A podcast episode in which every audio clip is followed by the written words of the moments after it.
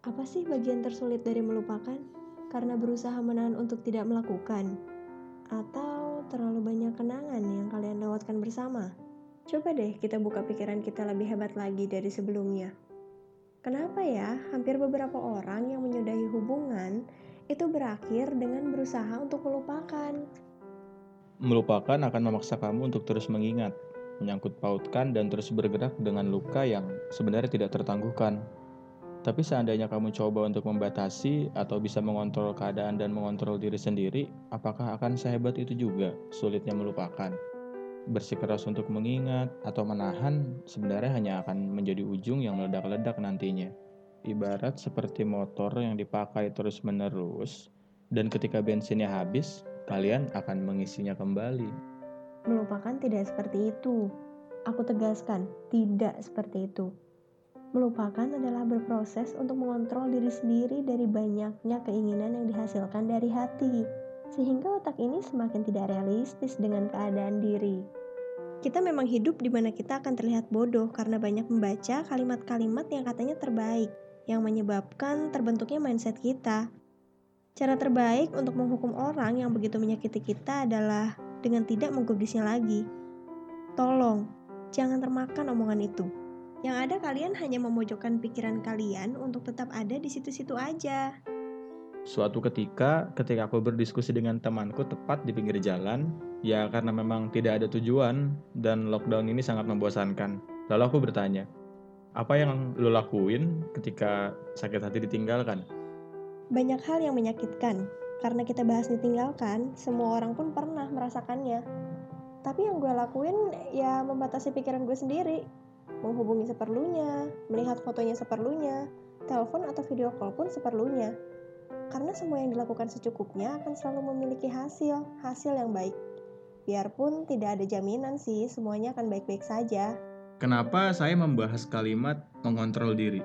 Karena saya sebenarnya merasakan dan mungkin kalian juga, ketika mungkin di suatu hari entah itu terjadi kapan sebelum hari ini, mengontrol diri akan mengajari kamu hal terpenting ketika kamu belajar memaafkan, yaitu menerima keadaan. Kamu akan selalu sulit menerima keadaan ketika kamu belum bisa memaafkan. Komunikasi dengan mantanmu secukupnya tidak akan membuatmu hancur, tapi akan membuat kamu sadar secara perlahan.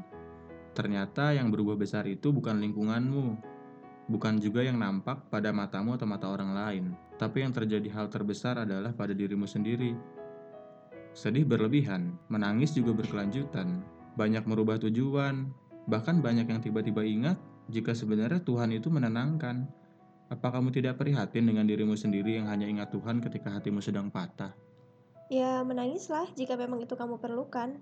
Dan lakukanlah sampai matamu sendiri yang air matanya tidak bisa dikeluarkan. Berceritalah di mana pun kamu mau berekspresi, sampai hatimu sendiri yang tidak bisa menggubris lagi. Murunglah terus, sampai akhirnya pikiranmu sendiri kan yang lupa jika dalam kesedihan pun akan selalu ada hal yang menyenangkan. Ada yang bertahun-tahun menjalin hubungan tiba-tiba berpisah. Ada yang pacaran sebentar, pas mau nikah, kandas di tengah-tengah. Ditinggal karena pasangan barunya, karena alasannya, ditinggal tunangan atau menikah, dan melakukan banyak hal kekonyolan, itu semua sebenarnya hanya persiapan. Saya tidak akan bilang dan memberi jaminan. Hati, pikiran, dan diri kalian akan jauh lebih baik di depan dibanding sebelumnya. Tetapi satu hal yang saya dapatkan sekarang, suatu hari kelak, diri kita akan selalu lebih baik dibanding hari di mana kita banyak membuang waktu untuk menangis dan bersedih. Ini yang penting. Banyak orang sayang dengan kalimat, ah jodoh gak ke mana, Paling kalau jodoh juga bakal balik lagi. Gimana pun perginya, kalau Tuhan takdirkan bersama, ya pasti bersama. Tolong, pergunakan pikiran kita semua dengan baik. Di dunia ini yang aku rasakan, Tuhan selalu mengizinkan dan membantu kita. Suatu ketika, pencuri berhasil mencuri motor, menjual dan mendapatkan uangnya. Dia bisa saja berucap, Tuhan terima kasih, masih rezekiku. Tuhan mengizinkan, Ya jelas mengizinkan, dengan syarat kelak kamu akan menemui karmamu. Atau mungkin di contoh lain, suatu ketika kamu membantu orang kelaparan dan berucap, Tuhan semoga apa yang aku berikan berguna untuk dia. Tuhanmu menjawab, tidak tetap diam dan tetap mengizinkan. Tapi kelak kamu tahu jawabannya, jika Tuhan akan mengembalikan itu dalam karma baikmu. Apa sih yang bisa kita pelajari? Tuhan selalu membantu kita. Hal yang baik akan dibalas yang baik, begitupun yang buruk akan dibalas buruk juga. Ya, jadi jika dia memang ingin pergi, ya pergi. Kamu tidak bisa memaksanya. Tapi jika dia ingin tinggal, biarpun sulit jalan yang dilalui, dia akan selalu tinggal. Kita semua hanya manusia yang selalu terobsesi pada hasil akhir, selalu berobsesi pada setiap pertanyaan.